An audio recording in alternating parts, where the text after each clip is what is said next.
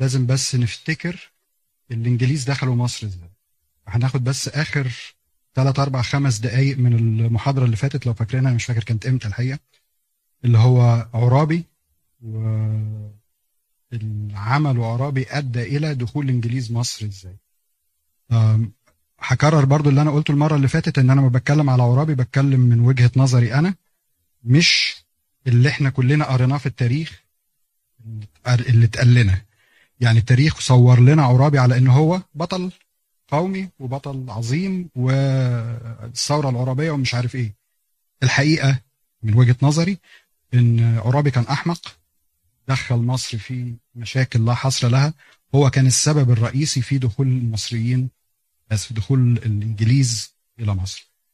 ف عرابي كان بيطالب بمطالب فئويه بحتة إن هو عايز يزود مرتبات يساوي ما بين الضباط المصريين ومش عارف إيه. صورت المطالب دي كأنها حركة وطنية. اتقال لنا إن هو راح قصر عابدين وواجه الخديوي. الكلام ده ما حصلش خالص. يعني ده كله نسج من الخيال.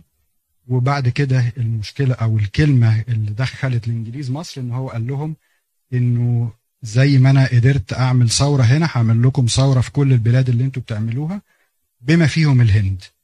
طبعا ده كان سبب كافي جدا لأنه الإنجليز يجدوا سبب إن هم يخشوا مصر.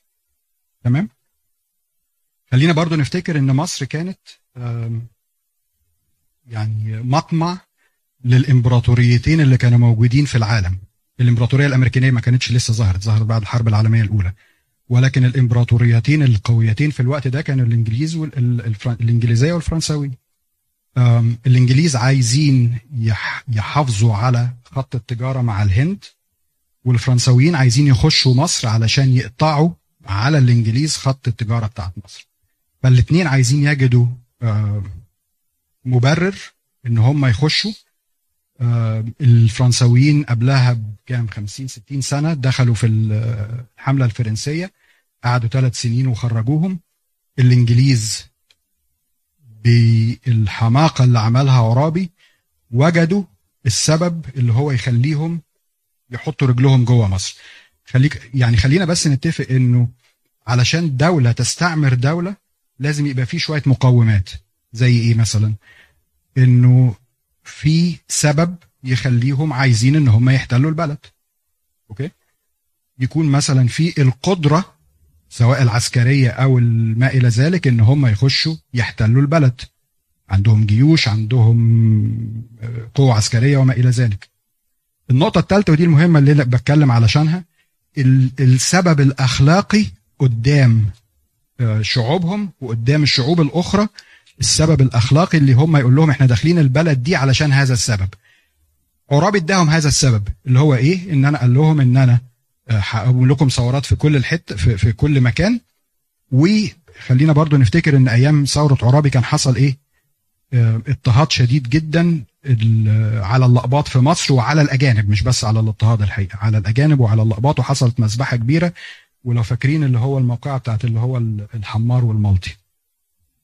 المهم يعني انتهى الأمر إنه الإنجليز دخلوا مصر. طيب تعالوا نشوف بقى حال اللقباط.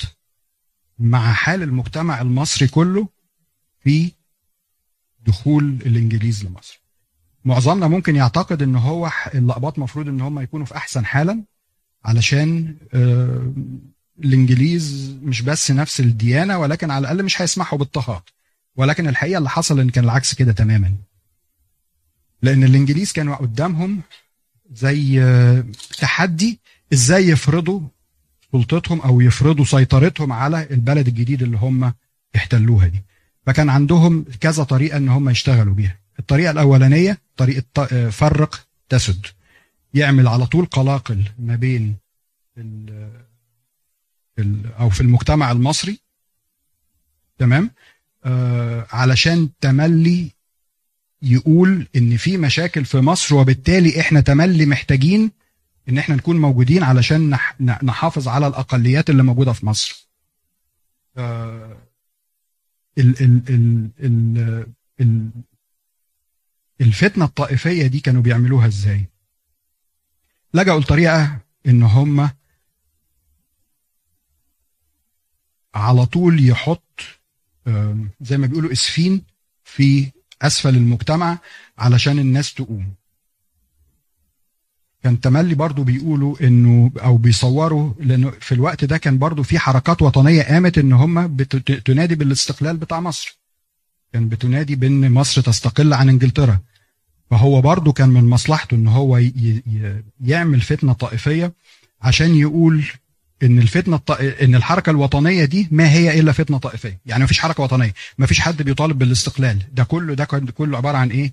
المسلمين بيحاربوا مع اللقباط بيحاربوا. وال... والمسلمين بيضطهدوا على طول اللقباط آه... فعملوا إيه إحنا عارفين إن هو من أيام من قبل 600 سنة حتى بتوع المماليك كان اللي مسيطر على مفاصل الدولة من ناحية الحسابات والضرائب والماليات وهو إلى آخره كان مين؟ مسيحيين. أما جم ال ال ال الإنجليز ابتدوا يفصلوا كل المسيحيين اللي موجودين في المناطق دي أو اللي موجودين في المناصب دي ويستبدلوهم بمين؟ بشوام. كان عايز يعمل كده ليه؟ علشان يحط إن ان اللقباط يبقوا على طول في حالة مادية سيئة وفي وحالة مزاجية سيئة ده السبب الأولاني إن هو كان عايز يحط من قدر اللقباط. الحقيقة كان في سبب تاني وده كان سبب وجيه برضو ما نقدرش إن إحنا نغفله إنه النظام المالي في مصر كان ماشي بطريقة متأخرة جدا. أما جم الانجليز كانوا عايزين يطوروا واللي كانوا متعلمين النظام الجديد كانوا الشوام. فهو يعني اصطاد عصفورين بحجر واحد إن هو طير اللقباط وجاب معاهم الشوام كانوا لهذين السببين. في الوقت ده كان في نموذجين. تعالوا نتكلم نشوف شخصيتين معروفين جدا لينا. الشخصية الأولى مصطفى كامل وكان في نفس الوقت بطرس باشا غالي. تملي أما تيجي سيرة مصطفى كامل تملي نسترجع إن هو إيه؟ زعيم وطني. مش كده؟ وتملي لما تيجي سيرة بطرس غالي تملي نفتكر إن هو إيه؟ خاين.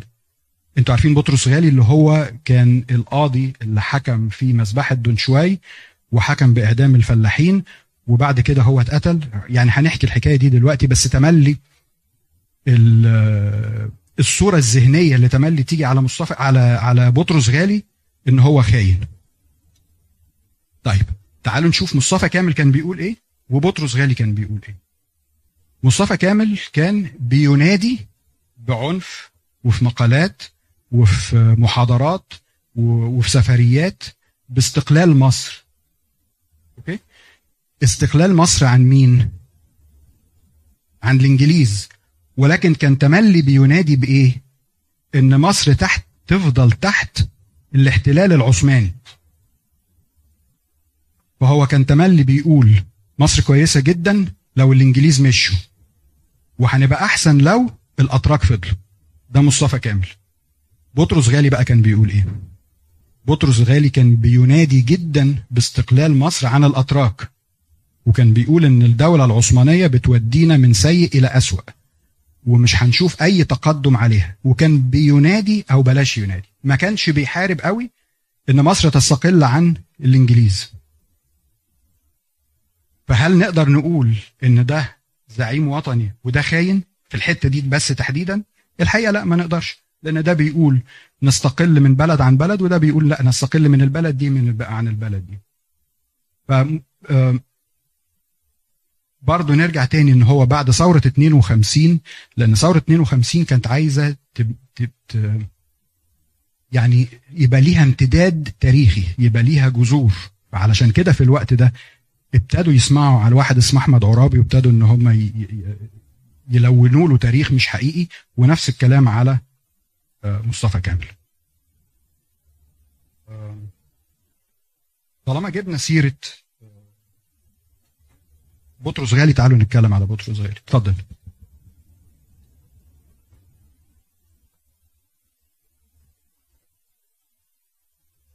بالظبط اللي انت قلته ده يا شريف ده يعني أهم حاجة إن هو كل اللخبطة واللغط ده بسبب ثورة 52 ثورة 52 كان ناس ليها أهداف معينة وليهم هوية معينة. فهم كانوا بيشوفوا الرموز اللي قبل كده اللي جت اللي هي تبرز هوية معينة لمصر اللي هي عشان أكون دقيق بقى في الكلام.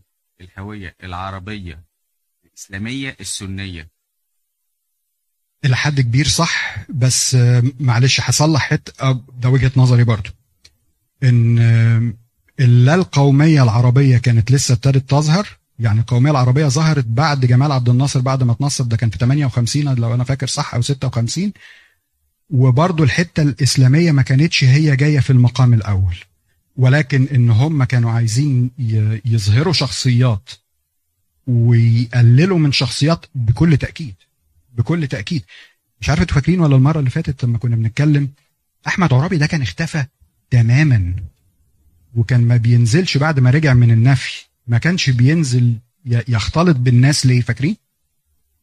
لأنه كان بيخاف لأن كان الناس كل ما بتشوفه كانت بتبصق على وشه. فاختفى لأن هو كان عند كان عار. ومش مش ال مش ال مش الأسرة المالكة أو الأسرة العلوية هي اللي عملت فيه كده. وعي الناس هو اللي قال فيه كده. فطبعا 100% صح إن هم كانوا لازم إن هم يجدوا لنفسهم بعض الشخصيات اللي يمجدوهم علشان يب- يبان إن دول امتداد لدول. ما ظهروش ما جوش على السطح كده من حيث لا تدري. اتفضل.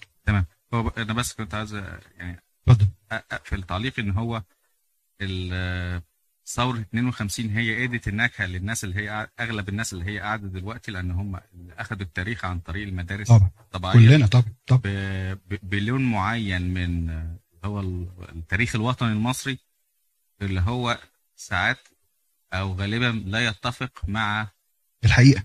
لا يتفق واحد مع الحقيقة اثنين مع ال ال ال الهوية القبطيه عشان كده دلوقتي إحنا كاقباط حاليا دلوقتي لما بنفكر في تاريخ مصر بنلاقي فيه أزمة هوية في مصر. طبعا. إحنا طبعا. إحنا إيه؟ إحنا طبعا. عرب ولا إحنا ما أعرفش إيه ولا طبعا. كلام من ده. بس ده نابع عن ال الأخطاء في إن أنت بتصوغ التاريخ بالاسلوب ده. 100% صح يا جو. 100% صح. آه لو أنتوا فاكرين ال ال ال- سام تدرس لما كان هنا لما كان بيتكلم على الهوية المصرية مش هنتكلم على الهوية القبطية الهوية المصرية إحنا عندنا توهان.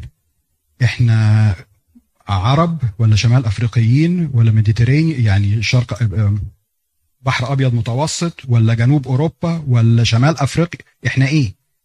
ما عندناش هوية واضحة بفولكلور أو بزي واضح نقدر تقول. لما تقول المصريين هي دي الصورة الذهنية اللي هي تجيلك فطبعا أنا متفق معاك إن إحنا عندنا أزمة هوية طبعا بكل تأكيد.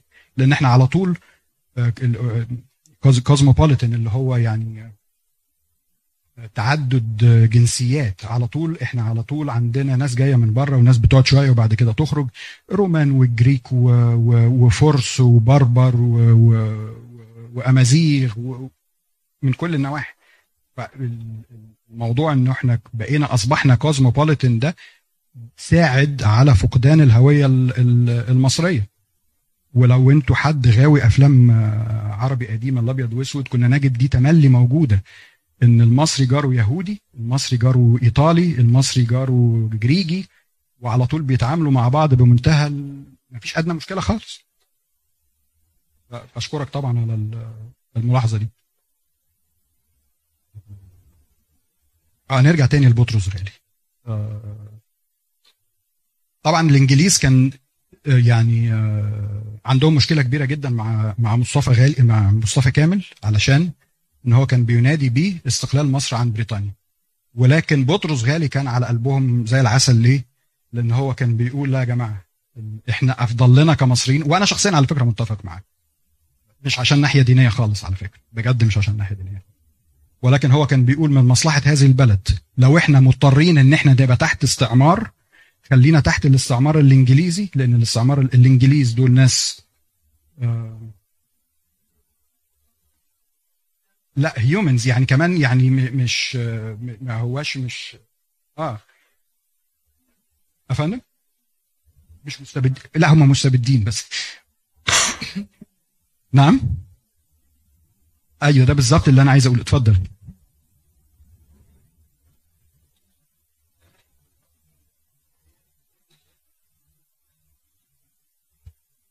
أنهي فترة؟ اللي هي 1807 أوكي. يعني الحقيقة أنا مش هقدر إن أنا أقول لك ال ال يعني أرد على السؤال ده وإن أنا أدي لك المعلومة دي لأن أنا ما حضرتش الكلام ده ومش عا... وما فيش في ذهني إن أنا أقدر أقول لك العالم كله كان بيجرى فيه إيه في الوقت ده. آه ومش صح إن أنا أقول اي يعني اكون يعني أرد على حاجة أنا مش دارسها. ولكن اللي هو اللي متفق عليه واللي أنا عارفه متأكد منه في 100% إن كان في إمبراطوريتين كبار اللي هي الإمبراطورية الإنجليزية والإمبراطورية الفرنسية. الفرنساويين كانوا لسه طالعين من هزيمة منكرة وتحطيم الأسطول بتاعهم في اسكندرية وخرجوا من مصر على يعني على سطح ال- الأسطول الإنجليزي. وكانوا هما الاثنين بيدوروا على لبعض يعكننوا على بعض إزاي. وعلشان كده كانت مصر زي ما ابتدينا في الأول كانت مصر من الأشياء المهمة أو ال- ال- المطلوبة إن هم بيتنافسوا عليها. إنجلترا علشان تحافظ على خط التجارة وفرنسا علشان تقطع على إنجلترا خط التجارة. فأنا بعتذر إن أنا مش قادر أقول لك بقية العالم إيه لأن مش مش مش محضر. آم، بطرس غالي من زي ما قلنا الإنجليز كانوا عندهم غرض إن هم يجيبوه نمرة واحد علشان فكره. نمرة اتنين كان أحد الحاجات اللي بتساعدهم في ال- المخطط بتاعهم اللي هو فرق تسد. مش مش مش مألوف قوي إن واحد قبطي يبقى رئيس للوزراء. صحيح كان في نماذج قبل كده يعني كان عندنا نبار باشا كان عندنا في يعني في حد تاني. ولكن ده أول رئيس وزراء قبطي ولكن من أصل مصري. فهم كانوا عارفين كويس جدا إنه آه إن إحنا نحط بطرس غالي ده أمر هيخلي على طول المجتمع المصري في حالة غليان.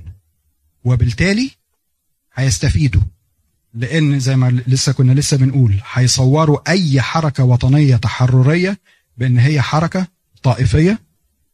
نمرة اتنين هيجدوا على طول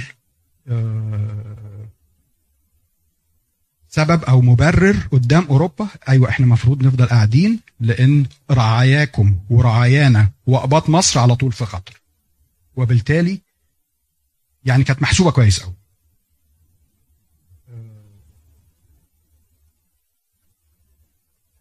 هنخش يعني بطرس غالي بعد كده ما يعني ما, ما, تذكرش إن هو أو ما ذكرش إن هو حقق أي آه،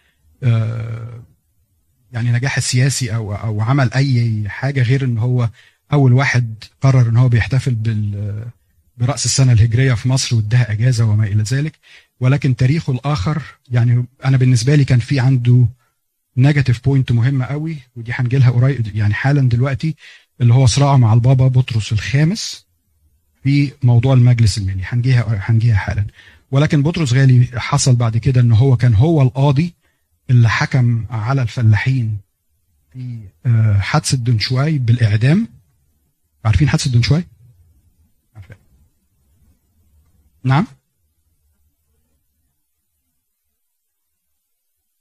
الحقيقة برضو أنا مش عارف حقيقتها الحقيقة يعني ال ال ال ال بكل تأكيد بكل تأكيد المهزلة بتاعت أدهم الشرقاوي والأوبريتات والحاجات دي كلها كلها طبعا مهزلة ولكن في حدث حصل إن هو في فعلا مجموعة من الإنجليز راحوا علشان يصطادوا وحدث فعلا حصل إن هم ضربوا نار على حمام وحدث فعلا حصل إن في واحدة اتعورت.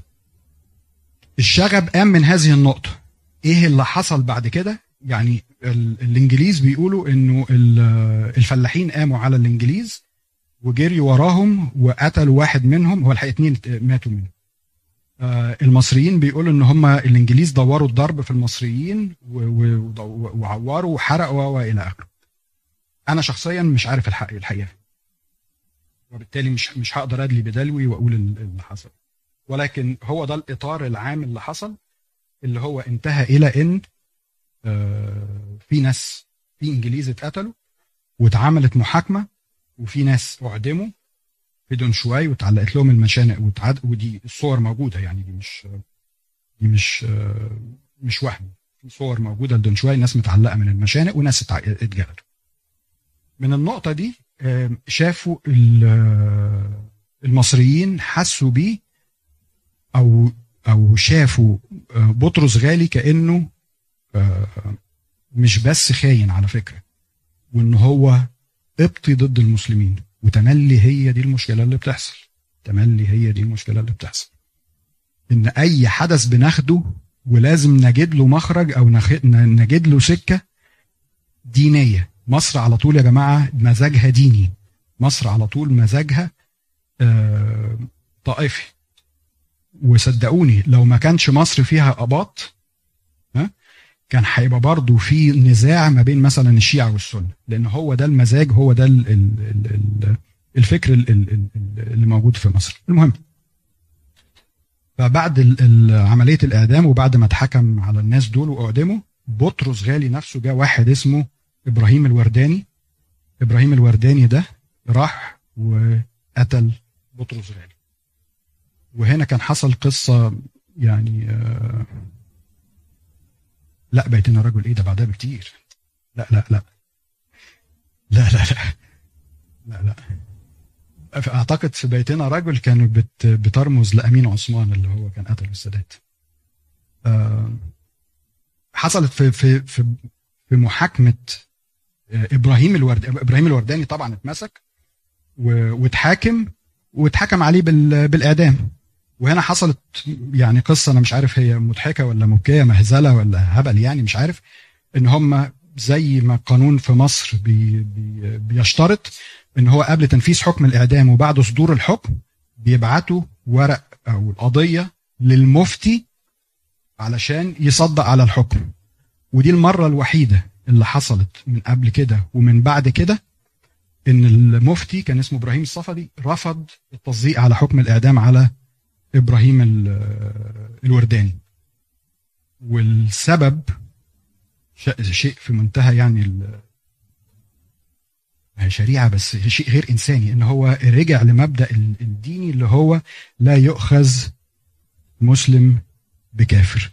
فاعتبر إن بطرس غالي ده كافر والمسلم اللي يقتل كافر لا يؤخذ دمه. طبعا رأي المفتي كان بالنسبة لهم رأي استشاري بحت ما هواش أمر ملزم وتم الحكم على إبراهيم الورداني ب أو نفذوا حكم الإعدام يعني في إبراهيم الورداني. وعلى فكرة ساعتها طلعت مظاهرات في مصر بت ب ب يعني بتقول قد إيه إبراهيم الورداني ده كان كان عظيم وكان بطل. وطلعوا له اللي هو الأغنية بتاعت قولوا لعين الشمس ما تحماشي عشان غزال البر بكرة رايح ماشي. اللي هي بعد كده بقت أغنية مش عارف بقى. وحصلت كمان بعد كده مظاهرات يعني مع المظاهرات لازم أي شغب في مصر لازم اللقباط يدفعوا ثمن قاموا برضو على اللقباط وحرقوا وقتلوا و و إلى آخره اللي هي القصة اللي إحنا عارفينها من ضمن الشخصيات برضو ال... أنا عندي لسه لسه شوية؟ طيب. شخصية أخرى تانية اسمه أخنوخ فانوس. لا يا شيخ. أخنوخ فانوس ده بيعتبر آه بيعتبر آه يعني شخصية قبطية مهمة. ليه؟ إحنا نتكلم دلوقتي على ثلاث أربع شخصيات أقباط كانوا موجودين في هذا الوقت. أخنوخ فانوس كان له يعني في ثلاث علامات ب مرتبطة باسم نمرة واحد إن هو من ضمن العائلات المصرية القبطية اللي شجعت ودخلت الطائفة البروتستانتية لمصر. واحد. اتنين لأنه دعا لإنشاء حزب قبطي ودي أول وأعتقد آخر مرة إن إحنا نسمع عن حزب مش هويته قبطية أو معظم اعضائه اقباط أو أو أو لأ ولكن حزب منشأ إن هو حزب قبطي. نمرة ثلاثة إن هو أول واحد دعا ونفذ فعلا إيه المؤتمر القبطي. وهنتكلم حالا دلوقتي عن يعني إيه هو المؤتمر القبطي ويعني إيه وحصل فيه إيه وما إلى.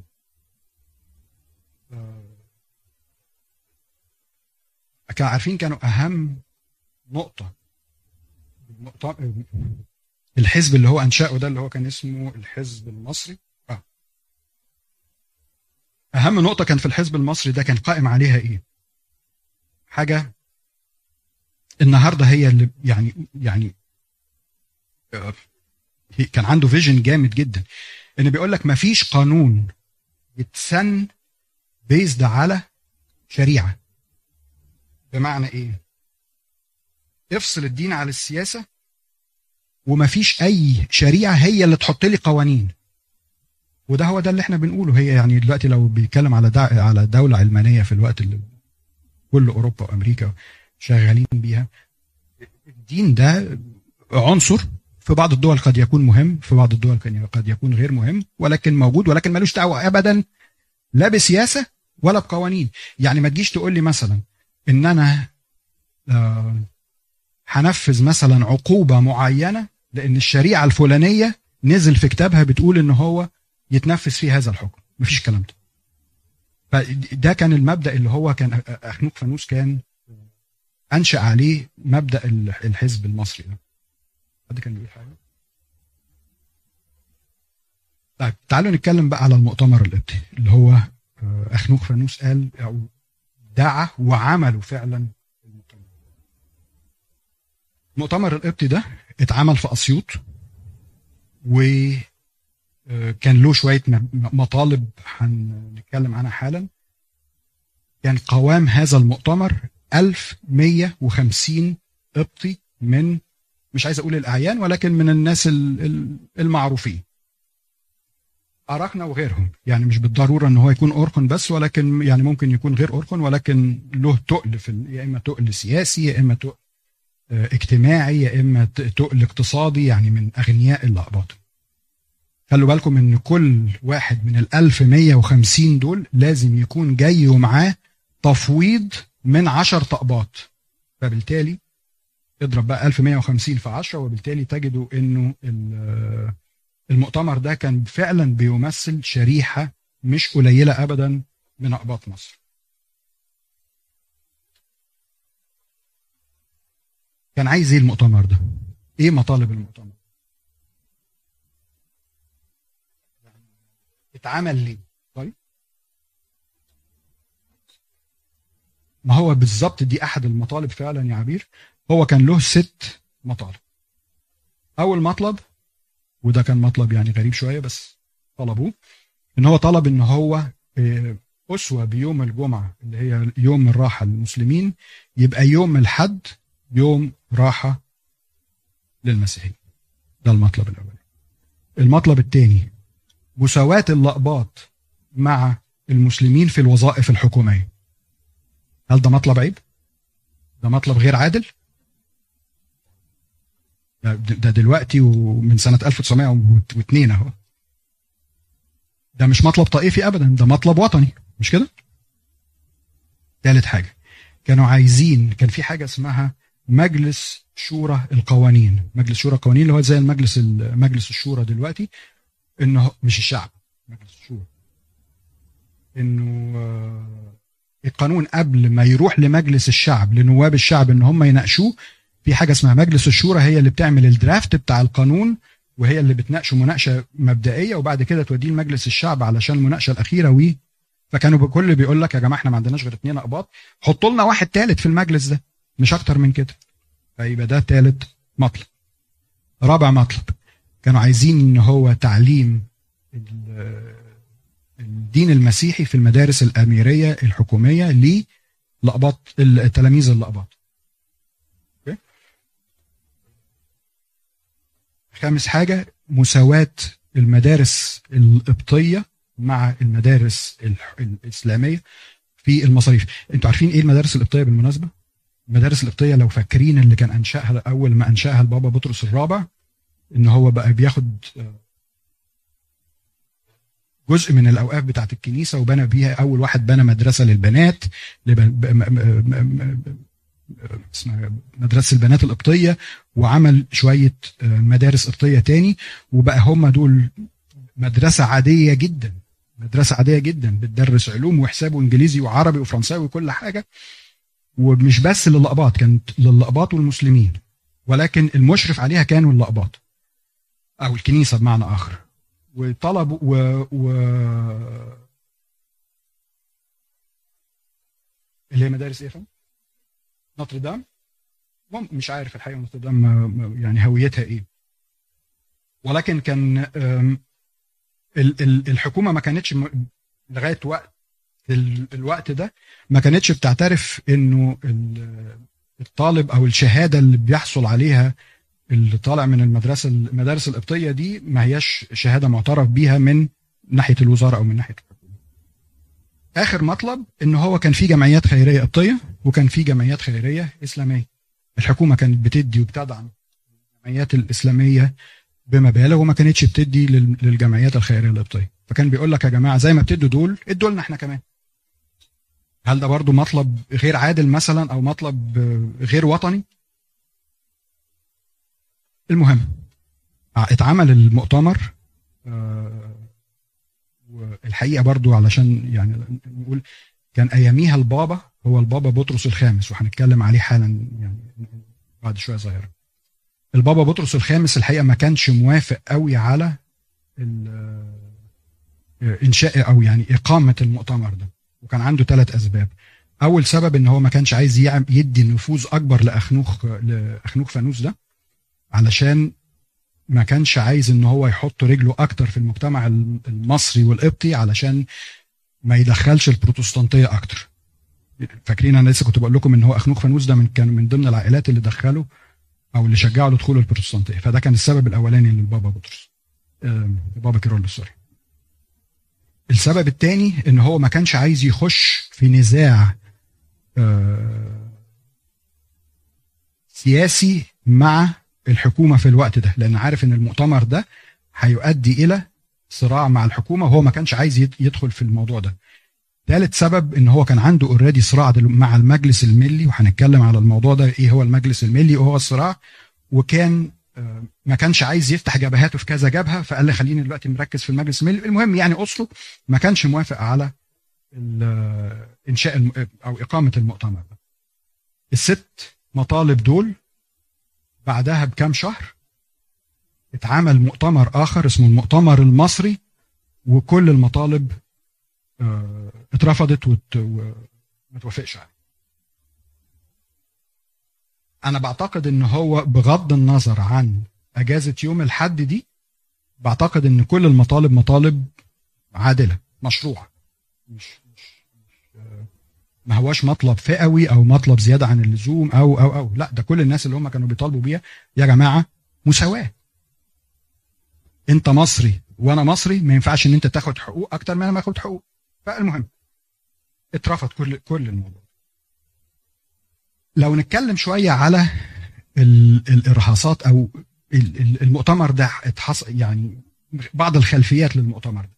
المؤتمر ده كان مقرر له إن هو يتم في 1910 إحنا قلنا ده تم سنة 1911 كان مقرر له إن هو يتم في 1910 ولكن اللي حصل في 1910 وخلاه إن هو يتأجل سنة كاملة قتل بطرس غالي والمشاكل والمظاهرات اللي حصلت والمناوشات اللي حصل في اللعبات طب هو تم ليه؟ أو يعني من يعني أحد الحاجات اللي هو تخلينا نبقى عايشين الفترة دي كان فيه. أنتوا فاكرين مصطفى كامل كان لسه متكلمين عنه. وكان عنده جريدة اسمها جريدة اللواء. جريدة اللواء دي كان بيكتب فيها واحد اسمه الشيخ عبد العزيز جويش. الشيخ عبد العزيز جويش ده كان على طول بمنتهى العنف بيهاجم المسيحيين إلى أن وصل بيه مرة إن هو كتب مقالة وقال إن ربنا خلق لقباط علشان المسلمين يعملوا أحذيتهم من جلود لقباط. هو مجنون يقول اللي هو عايزه؟ ماشي ممكن نفهم إن هو مجنون لكن اللي ما نقدرش نفهمه إن يتكتب ده في جريدة زي جريدة اللواء وإن واحد زي أحمد لطفي السيد اللي هو مفروض إن هو معروف عنه إن هو من أكتر الناس اللي هم كانوا متحررين ومتقدمين وتقدميين وإلى آخره إن هو يسكت وما يردش خالص على هذا على هذا الهراء. آه، حتى كان ساعتها اللقبات قال لك لا فرق بين جاويشة والسيد. ده عنده فكر آه، يعني مجنون.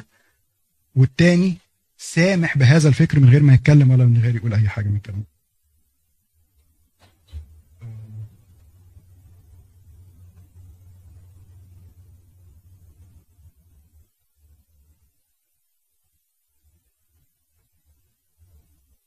خلصنا المؤتمر القبطي. تعالوا نخش بعد كده نشوف يعني نتعرف على بعض الشخصيات القبطية اللي كانت ليها وزن في الوقت ده. هنقول أسماء بس بس هنقف عند واحد. يعني واحد زي توفيق دوس واحد زي ويصا واصف مرقص باشا حنا برياقوس ميخائيل تدرس شنود المنقبادي ميخائيل عبد السيد وسنود حنا هنقف بس عند سنود حنا شوية صغيرة خالص لأن سنود حنا ده كان من من أقطاب حزب الوفد وكان متشبع جدا بأفكار حزب الوفد.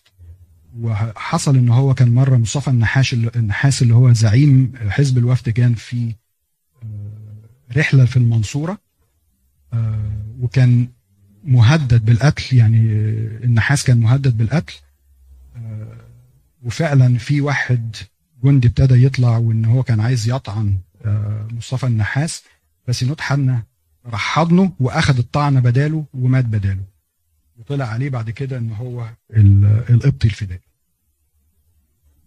أهم الباباوات اللي هو البابا كيرولوس الخامس اللي إحنا كنا لسه بنتكلم عليه وهناخده كده في عجالة.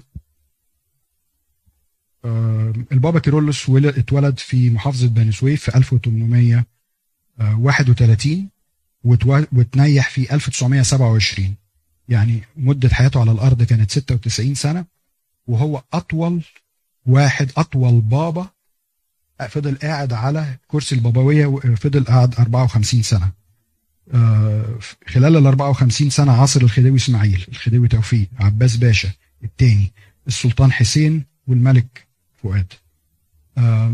أما ترهبن ترهبن باسم آه، آه، أبونا يوحنا وأطلق عليه أبونا يوحنا الناسخ لأن هو كان تملي يقعد في المكتبة بتاعت الدير آه، ينسخ آه، المخطوطات القديمة آه، لكذا سبب. اولا علشان يزود دخل الدير ثانيا هو علشان يقرأ ويتثقف ثالثا علشان يحافظ على المخطوطات دي من الاندثار لأن كانت باظت خالص.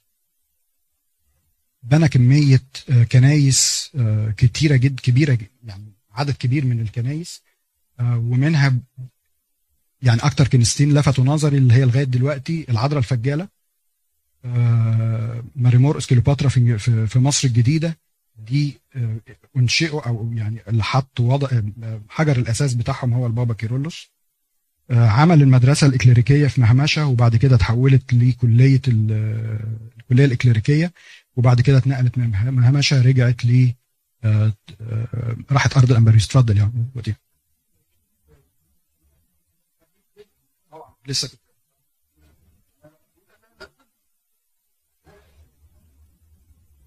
زي ما قال عم وديع برضو من من الشخصيات والقديسين المهمين جدا في في الوقت ده كان طبعا حبيب جرجس الأنبا برام أسقف الفيوم آه واحد اسمه يمكن الاسم مش مألوف بالنسبة لنا اللي هو أبونا عبد المسيح المسعودي أو ميخائيل المسعودي أنا آسف. آه يعني كان حواليه زخم من ال ال ال الشخصيات المهمة جدا اللي أثرت تأثير إيجابي جدا في تاريخ الكنيسة.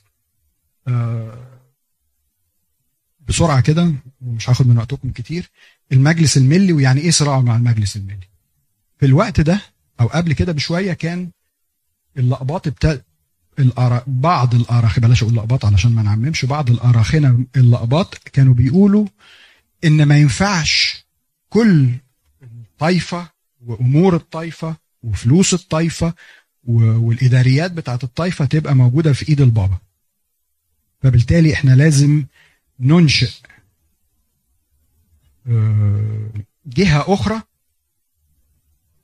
تدير وممكن تراقب على الأمور بتاعت على يعني الماليات بتاعت الطائفه وهنا تم إنشاء أو اختراع المجلس الملي البابا كيرلس ما كانش عنده مشكلة مع المجلس الملي في إطار لائحة معينة. اللائحة دي اللي هي إيه؟ إن هو عايز تدير أوقاف دير أوقاف. عايز تزود فلوس زود فلوس. عايز تراقب على الصرف راقب على الصرف. ولكن مش من حقك ابدا كمجلس ملي إن أنت تيجي تقول لي أرسم مين كاهن وأحرم مين وأحاكم مين وتخش في نواحي آه، مش إدارية. وهي دي كانت المشكلة مع ال- ال- المشكلة اللي ما بين البابا كيرلس وما بين ال- المجلس الملي المشكلة قعدت تتصاعد تتصاعد تتصاعد ومش هنخش في تفاصيل علشان الوقت ولكن أدى إلى انتهاء إلى إن البابا كيرلس اتعزل. ودخل الإقامة الجبرية في الدير بتاعه. وعلى فكرة بر- برضو يعني شيء بالشيء يذكر. اللي حصل اللي عمله اللي اتعمل في البابا ده كان هو البيز هو الأساس اللي جاب للسادات في 80 81 نفس الفكرة إزاي يعملها مع البابا شنود. نفس اللي تم هنا هو بالظبط هو اللي تم هنا. المهم برضو ونفس الكلام راحوا جايبين أسقف بتاع أسقف صنبو وهم اللي ولوه على إدارة الكنيسة في آه، غياب البابا. الشعب رفض تماما هذا الإجراء وفي يوم ما كان داخل الأسقف ده بتاع أسقف صنبو ده يصلي القداس. ما فيش حد من الشعب كان حاضر غير مجموعة قليلة جدا وكل الشعب كان أعداد غفيرة كانت قاعدة واقفة بره ال- البطرخانة في كلوت بيه وما فيش حد راضي يخش الكنيسة. حصل حاجتين غراب جدا في القداس اللي عمله أنبا صنبو ده أنبا sorry صنبو ده حصل حاجتين غريبة جدا. أول حاجة إن هو بالغلط وهو بيقرأ الإنجيل قرأ الإنجيل بتاع خيانة يهوذا. ما كانش الإنجيل بتاع هذا اليوم هو الإنجيل ده. ولكن بالخطأ قرأ الإنجيل بتاع خيانة يهوذا. نمرة اتنين وهو بيصلي القداس الصينية وقعت من إيده. فالشعب تشائم جدا من هذا الموضوع وكان على يعني لو كان عندهم إيراد إصرار على إن إن الراجل يعني الموضوع ده ما يتمش عندهم دلوقتي آلاف الأسباب إن هم يمشوا الراجل ده. حصلت مظاهرات كبيرة جدا وحصل آه، آه، شغب من الأقباط إلى أن اضطرت الحكومة إن هي ترجع تاني وترجع تاني البابا كيرلس الخامس. وكل الناس دول على فكرة اللي هم كانوا ضد البابا كيرلس رجعوا واستسمحوه وطلبوا آه، إن هو يحللهم وحللهم فعلا. والأمور استقرت على هذا الموضوع ولكن فضل برضو النزاع مع المجلس الملي فضل برضه من يعني لغاية على فكرة لغاية الأيام البابا كيرلس السادس كان في صراع برضه ما بين البابا كيرلس السادس والمجلس الملي أنا مش عايز أطول عليكم أكتر من كده. لو في أي سؤال تحت أمركم لو اتفضلي.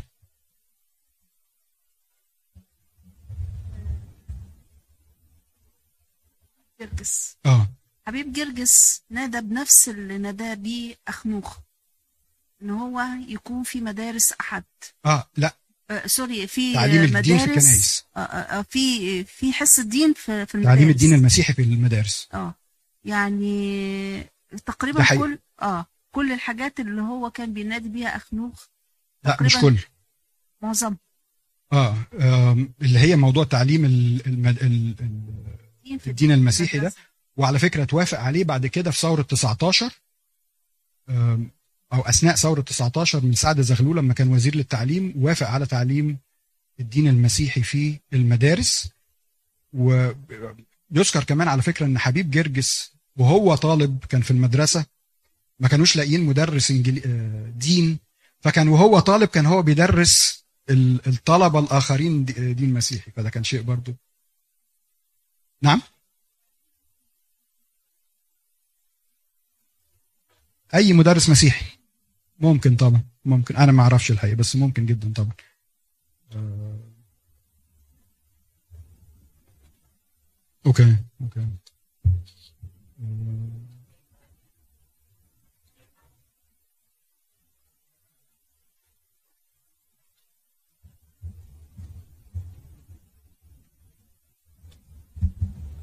آه. بنشكرك يا شريف إنه عفو. ال- الدراسة والمجهود اللي بتأديه وبتاخده من وقتك علشان تدي التاريخ الحقيقي للكنيسة وأجداد الكنيسة اللي مروا بيه التاريخ آه، خلي بالك معلش. ده مش ده التاريخ الحقيقي من وجهة من من من من الفايندنجز بتاعتي.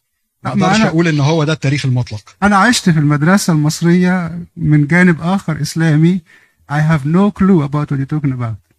فالحاجات دي بالنسبة لي وأنا قاعد دلوقتي بتهز مشاعري إن واحد هيعمل بين جلود المسيحيين أحذية الحاجات دي قاسية جدا تتسمع يعني. لكن اللي عايز أقوله اتفضل. الحرب اللي بيعيشها اللي بتعيشها الكنيسة من زمان مش مع المسلمين ولا مع اليهود مع الشيطان. بيستخدم ولاده كمسلمين كيهود كاسياس هنا في بيحاربوا الكنيسة أنا متفق معاك 100%. فصلاتنا دلوقتي مش ضد لا مسلم ولا أي دين آخر صلاتنا دايما ربنا يعني آه، هو يقدر بنفس يوقف الكلمة أنا عايز الشيطان يوقف أخ- الشيطان واستعماله 100% لهؤلاء الشخصيات سواء شخصيات سياسية ولا اقتصاد. كده هاخد من كلمتك إن لو فاكرين من أول لما ابتدينا من ثلاث سنين من ساعة الغزو أما قلنا يا جماعة الناس اللي قاعدين إحنا اتدفع فينا دم ثمن غالي جدا. ثمن لا يقدر بمال. إن إحنا يبقى لغاية دلوقتي إحنا اسمنا مسيحيين أقباط وقاعدين في كنيسة قبطية أرثوذكسية ثمنها كان دم. لا مش دم. كان بحور دم. كمية دم لا يتخيلها مخلوق. فتملي نفتكر إن إحنا اتدفع فينا تمن لا يقدر مش غالي. لا يقدر ب- بتمن. أشكركم.